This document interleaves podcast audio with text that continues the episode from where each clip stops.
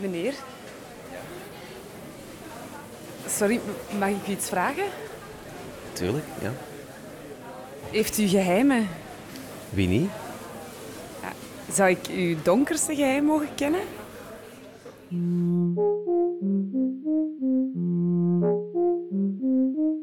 Je grootste geheim? Mijn allergrootste geheim.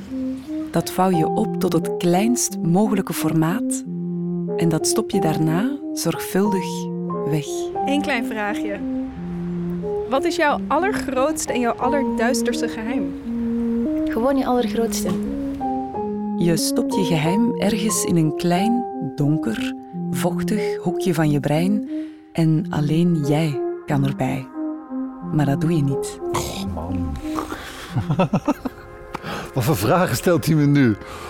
Je graaft dat geheim niet op en al zeker niet voor ons. Nee. Oh, nee, natuurlijk niet. Natuurlijk niet. Nee! Ja, dat is mijn diepste geheim. Nee, Nee, sorry. echt niet? Het, is, het zal wel belachelijk zijn dat ik dat ga vertellen. Oké, je zwijgt. Maar wacht maar. Over 20 of 30 of 40 jaar ben je oud. En dan begin je misschien wel dingen te vergeten. Je kan moeilijker op namen komen of op het adres van je ouderlijke huis. Je vergeet of de hond stierf voor je trouwde of erna. Of misschien toch voor die verhuis. Of je vergeet iets totaal anders. Iets waar je nog nooit over hebt nagedacht. Dat minutieus opgevouwde geheim. Je vergeet dat je moest zwijgen. Verzwijgen. Tot de dood. Dus ehm, ja, je praat en je weet het niet meer. Maar je best bewaarde geheim druppelt uit je mond.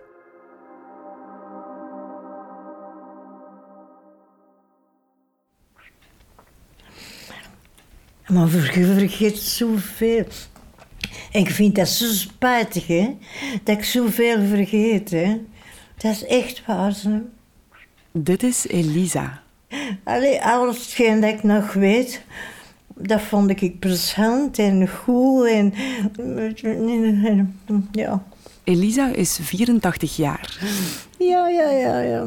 84. 84 jaar, ja, ja. Op je 84ste, dan is het niet zo gek dat je dingen vergeet of niet meer alles zo scherp hoort. Mijn naam is Siona. Iona. Nee, Siona. Fiona. Met een S, ja. ja. ja. Ik ben dus Siona. Ik ben op bezoek bij Elisa, samen met Nele en Mirke. Mirke. Met Mirke. Lieveke. Ja. Lieveke. ja. En dit is Nele. Nee. Ik ben Nele. Nee. Nele. Nee. Nele. Lea. Nele. Zie. Nee. Oh. Ja. oh, dat is goed. We zijn drie radiomakers en we zitten met een opnameapparaat rond dit klein vrouwtje. We zijn op bezoek bij Elisa in Pniel. Dat is een christelijk rusthuis op een half uurtje rijden van Antwerpen. Ja, ja. Zijt hier gelukkig zo in het rusthuis? ja, ik ben hier gelukkig. Dat is waar. Ze zou elk onze grootmoeder kunnen zijn, Elisa. Met haar grijze haar, zijdezachte dunne huid, pantoffeltjes, verrimpelde handen. Een van de duizenden krimpende mensjes in een rusthuis. Maar Elisa is niet onze grootmoeder. En geen van ons drie heeft zulke heldere, blauwe ogen als die van haar. Wie die ogen wel heeft, is Carrie, haar dochter. Carrie is degene die ons aan haar moeder heeft voorgesteld. Mijn moeder is Elisa Aert, maar zo werd ze nooit genoemd. Zij werd Lisette, of wordt nu nog altijd Lisette genoemd. Carrie vertelde ons over die blauwe ogen van haar moeder die de laatste tijd zo hevig opflakkeren. Ja, ja. Elke keer als Carrie langskomt, vertelt haar moeder hetzelfde verhaal. Een verhaal waar Carrie tot voor kort nog nooit van had gehoord. En waardoor ze haar moeder ineens door hele andere ogen ziet. Ik was op bezoek bij haar in het rusthuis en Toen begon ze op een bepaald moment te zeggen van, dat er vroeger, toen zij nog woonde, weet ik waar, ik denk dat ze de leeftijd had van een puber, 15 jaar, dat er een overbuurjongen was, een buurjongen, naar wie ze altijd zwaaide. Dat, die zag naar mij die zwaaide terug. en ik naar hem natuurlijk.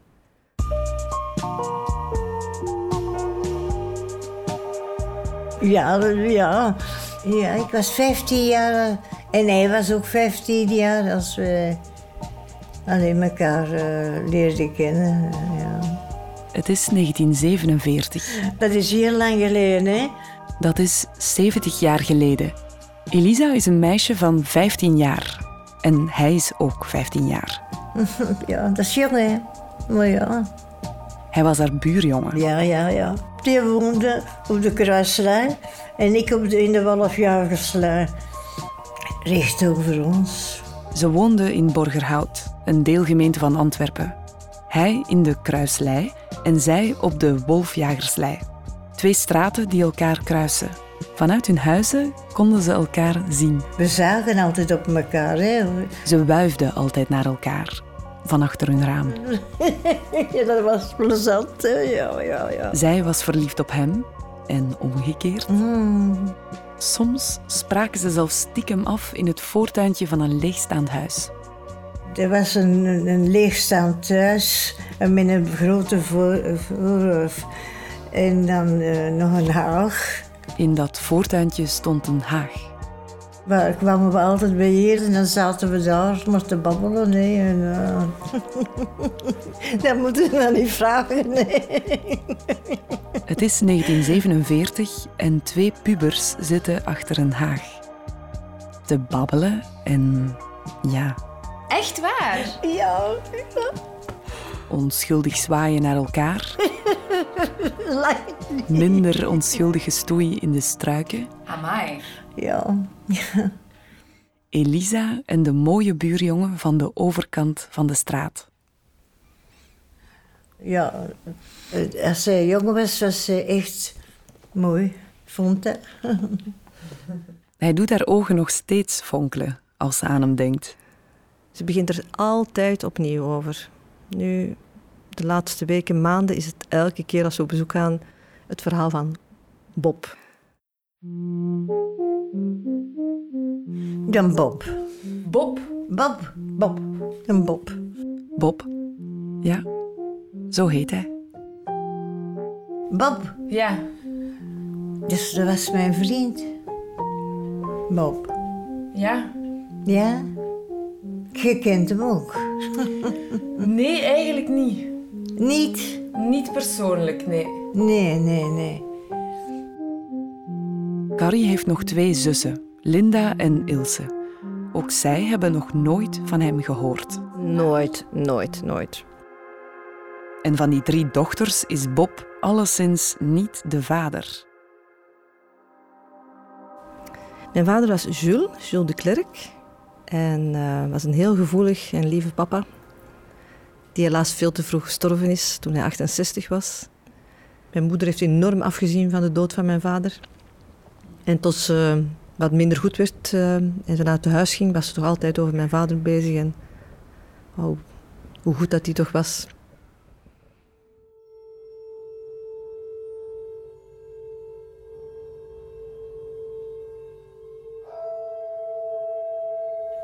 Denk je soms nog aan uw man, Jules?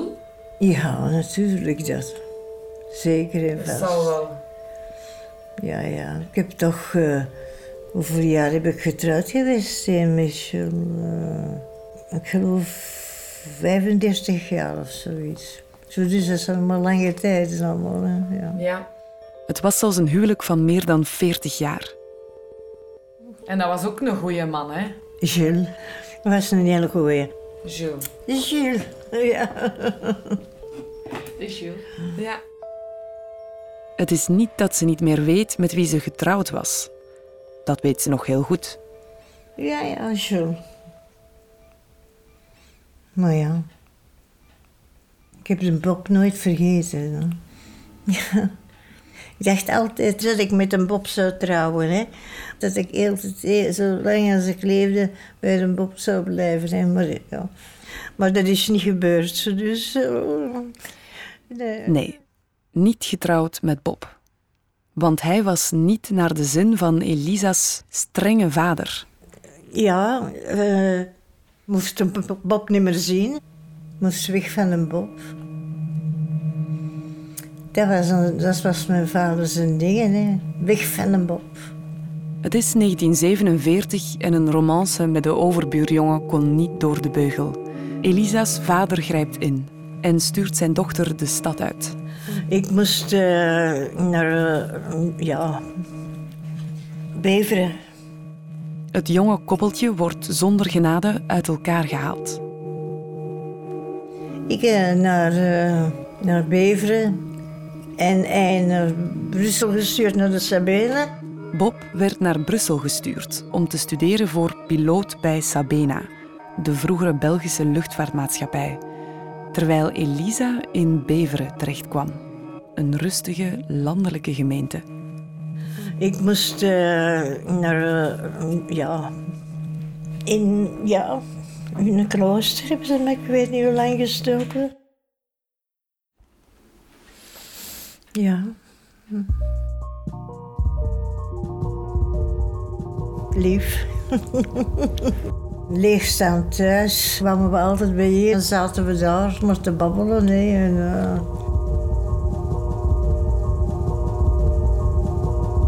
In een klooster hebben ze me, ik weet niet hoe lang gestoken. Dat kindje zat in mijn buik.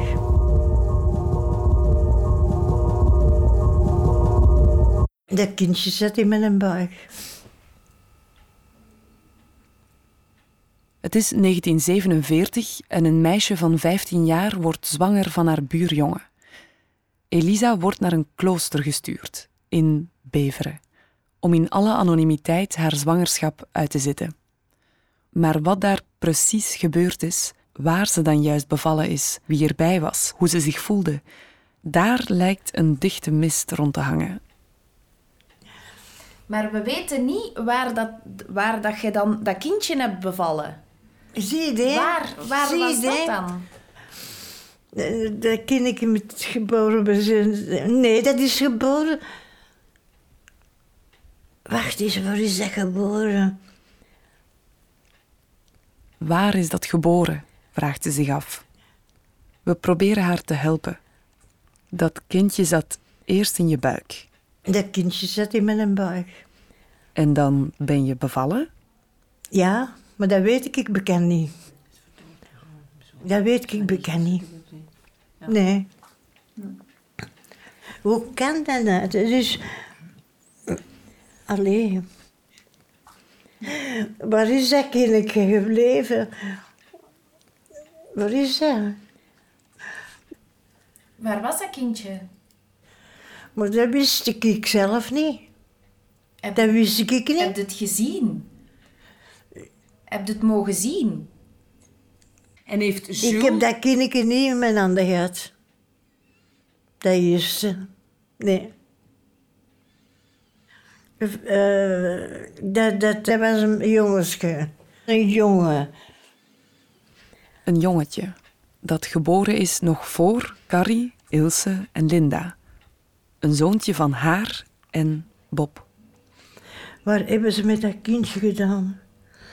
Er is toch iets mee gebeurd, hè?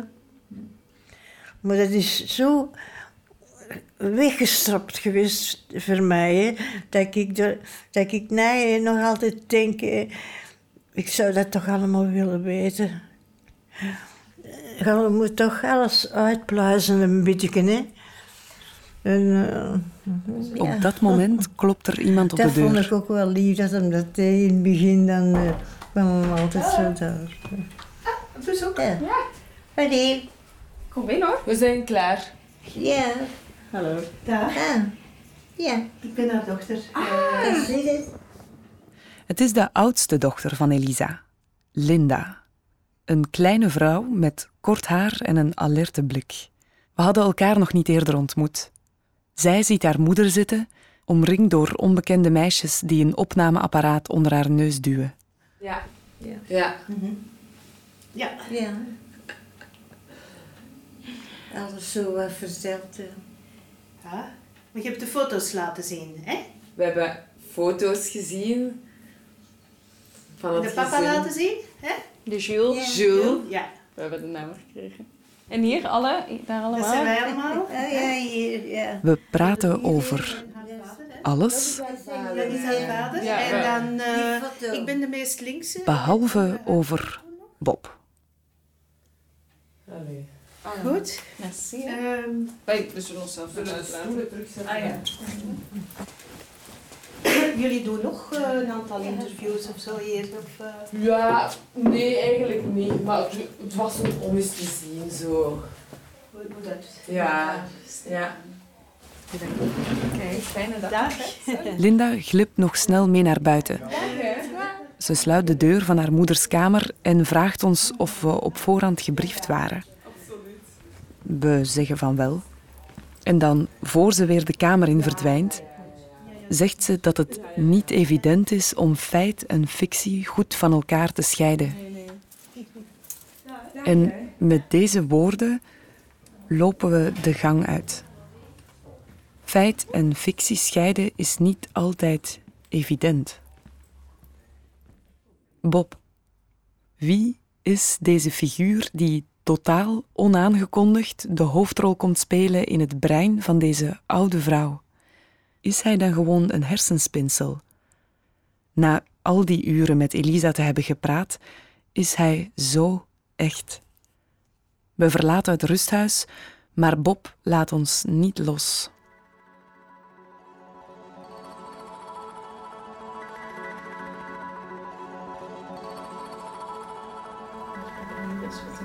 Hebben jullie de Bob al gezien? Nee. Nee, nee, nee. Maar is hij hier? Ik weet niet waar hij is. Ik weet niet of dat hem hier is of dat hem in de lucht hangt, zal zo zeggen. Ja, ja. Of dat hem... Voor Elisa is Bob overal. Ja. Zo vertelt ze dat Bob vaak op bezoek komt. Nog niet zo lang geleden zelfs.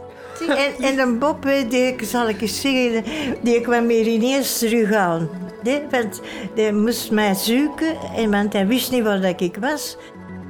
Hij komt daar opzoeken. Hij zit in hetzelfde rusthuis waar zij zit. Bob is hier, gewoon, om de hoek. Ze ziet zijn auto staan, ze ziet hem op tv. En ook ziet ze hem overvliegen. In elk vliegtuig dat voorbij komt. Eh, vliegt dus eh, ook zo, alle avonden al heeft nog gedaan, ligt hem hier over te vliegen.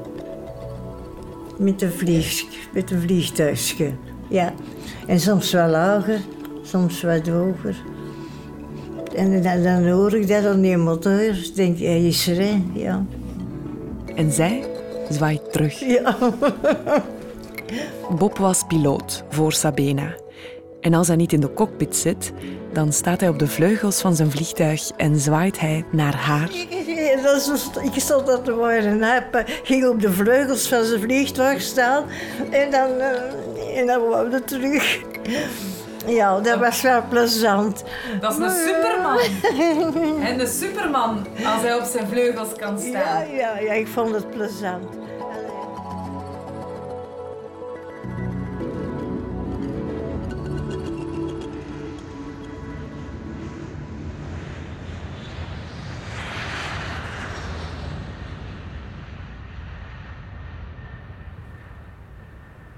Nu ziet ze ook altijd in de bomen mensen zitten. Witte meisjes en witte jongens, wit gekleed, hè, bedoel ik dan. Ja. ja. Dus ik zeg, ja, ik, ik hou dat beeld ook altijd. Dan zeggen we, ah ja, natuurlijk. Ja. En dan eh, ja, dat is een nieuwe rage tegenwoordig. Die klimmen allemaal in de bomen, in een witte kleding. Ze trouwen soms in die bomen. Ja. En dat blijft ze zien. En dan denk ik, ja, dat is een mooi beeld, dus waarom zouden we dat afpakken? Elisa ziet soms dingen die er niet zijn, maar ze vertelt ook dingen die gewoon niet waar kunnen zijn. Zo beweert ze soms dat ze twee kinderen heeft van Bob. Ik had eh, twee kinderen toen al van Bob. En ik zijn er, nog, er zijn er nog twee bijgekomen. En even later zijn het er al negen. bijna allemaal meisjes. Twee jongens misschien en de rest allemaal meisjes. En soms heeft Elisa zoveel kinderen van Bob dat ze er zelf van staat te kijken.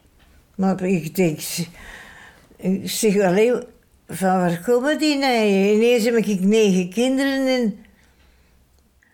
Maar ik heb dat wel allemaal opgeschreven, hè. Ze zou ook een boek geschreven hebben over het Bob-verhaal. En zijn, zijn die papieren hier? Of Eh, nee. niet? Wat, wat u heeft opgeschreven over de Bob? Eh, ze gaan, eh, hij moet nog in- ingebonden worden. En, de- en ja, hoe lang duurt het voor een boek uit te geven, ik weet het niet. Wat speelt er zich af in Elisa's hoofd? Je zou je eigen hoofd door het raam naar binnen willen steken om te zien wat Bob daar in de woonkamer zit te doen. Je zou haar onder een hersenscanner willen leggen die precies laat zien waar Bob in haar brein zit. Een CAT-scan met een klein mannetje erop. Om een beeld te krijgen van wat er medisch aan de hand is met Elisa, mochten we met haar dokter spreken. Hij vertelde ons dat Elisa lijdt aan vasculaire dementie. Dat is een ziekte die veroorzaakt wordt door kleine herseninfarctjes. Een bloedklonter komt in de hersenen terecht en vormt een barricade. De hersenkronkel die achter de barricade ligt, krijgt geen zuurstof meer en sterft af. Soms is dat het deel dat je toelaat te spreken of een arm te bewegen. Bij Elisa zijn het vooral de plekken die haar geheugen aantasten. Dit verklaart waarom Elisa delen van haar verhaal kwijt is, maar niet waar al die andere verhalen vandaan komen. Een medische verklaring vinden we dus niet meteen voor Bob. En ook niet voor de herinnering aan een kind.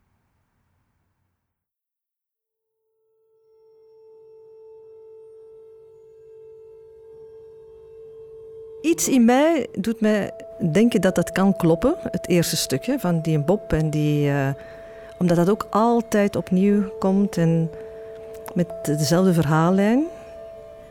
Ze heeft ook ooit verteld van, ik kreeg dan drie kinderen, hè, haar eerste kindje. En toen de dokter aanwezig was bij de bevalling, zei hij, mevrouw, dat is toch niet uw eerste kindje? Ja, ja. Dat zijn dus bij de geboorte van Van Linda, dat de dokter zei van, mevrouw, dat is toch niet uw eerste kindje? Je kunt traumatische dingen echt wel verdringen, hè? Dus misschien met dat ouderwordingsproces, dat ineens een soort rem losgeraakt. En... Want ze heeft ook verteld, want ik vroeg dan, wat dan met de papa, mijn papa? En dan zei ze, ja, maar dat was ons geheimpje. Hij wist daar dus van, volgens haar. Hij noemde dat ons geheimpje. Heb jij zelf al iets ondernomen om erachter te komen of dit verhaal waar is of niet? Nee, want ik zie eigenlijk niet in hoe dat op enige mogelijke manier zou kunnen. Echt niet. En ik vraag me af, wie zou het nog kunnen weten? Want zoiets werd in het geheim geregeld, hè? Dus waarschijnlijk weet zelfs, denk ik, een heel deel van de familie niet dat dat is gebeurd. Als het zou zijn gebeurd, hè? Het deel van de familie dat erbij was toen Elisa 15 jaar was, toen is gebeurd wat er zou zijn gebeurd als het zou zijn gebeurd, daarvan is helaas niemand meer in leven. De enige die we nog kunnen spreken zijn haar eigen nakomelingen. Papa, want ik vraag altijd bijna met Dat moet vlak na de oorlog geweest zijn. Tegen ons zegt ze altijd 15, dat ze 15 was. Dat zou 47 Dat zou zijn. kunnen. En dat ze even Dat zou kunnen, waren. want ze is getrouwd. Het is een maandagavond en we zijn bij Carrie thuis. Mirke en Nele zijn er al en ik kom net aan. Dag iedereen, dag Ilse en eh dag Linda. Hallo. Ik ben Siona. Elisa is er niet bij, maar haar drie dochters zijn er allemaal. Carrie, Ilse en Linda. Zeg, eh, leuk dat iedereen wou komen. We hebben elkaar in Pniel gezien. Ja, ja hè? heel kort. Heel ja. kort. Ja, jullie... Ja. kleine kleine. Bij die korte botsing in het rusthuis in Pniel drukte Linda ons op het hart om alles met een stevige korrel zout te nemen.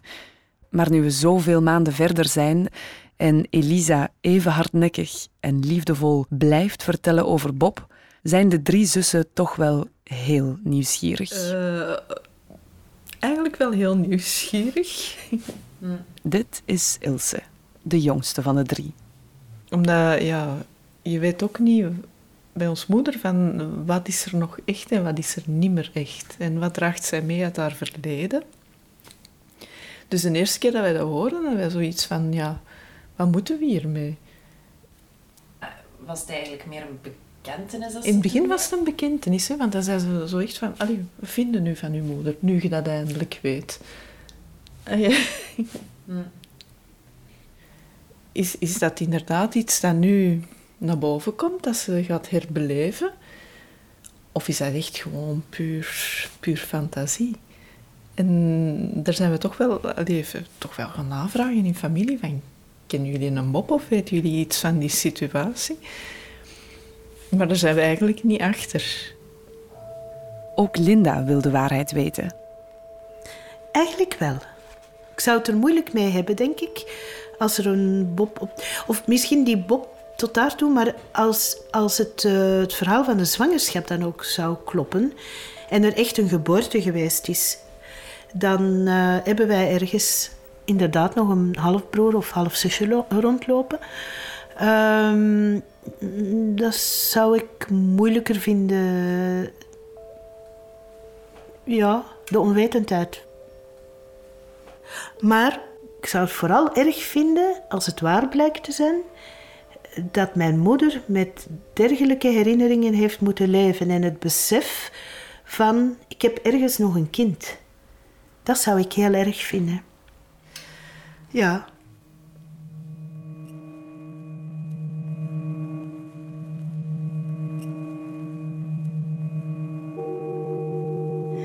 Waar is dat kindje gebleven?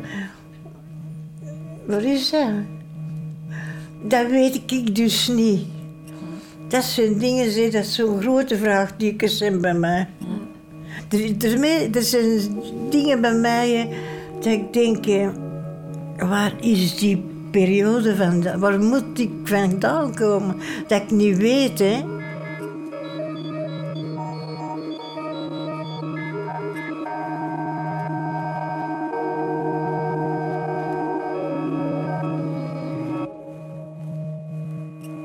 Maar ik hoop dat je van alles nog vindt, want van mij heb je niet veel gehoord, maar eh, je moet toch alles uitpluizen een beetje, hè. Ik verlang naar, eh, ja, naar dingen van een Bob.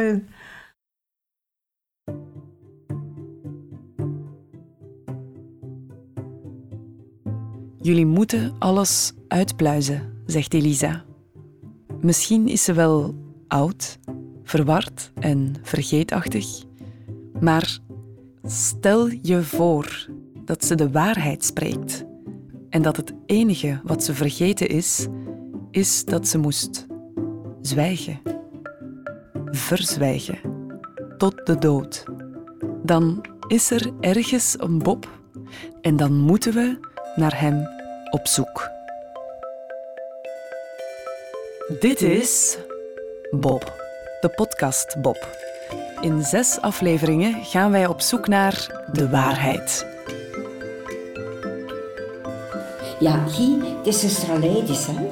Ja, wel, kijk, het is het volgende. Hier zijn twee jonge dames bij mij op zoek naar het verblijf van een zekere Elisa Aarts. Eh, wij hebben nog wel Nee, nee, nee, nee. Er zijn eh, moeders die gehuwd zijn waar dat de partner niet van weet dat ze ooit een kind hebben gehad, dat heeft gehad. Hallo. Oh, sorry, wij Sorry voor het storen. Eh, hoe lang woont u hier al? Ik woon hier 30 jaar. 30 jaar. En kent u hier toevallig in deze straat een familie Machielse? We vinden antwoorden. Dat meent je niet. Maar shit, Mirk, Mirkje, Mirk. Oh, dit kan niet waar zijn. Mirk. En we stoten op nog veel meer vragen. Wij hebben bij het verkeerde huis zitten aanbellen en vragen. Oeh, allee, dat is superdom. Nee, want wij wisten dat niet. Huh?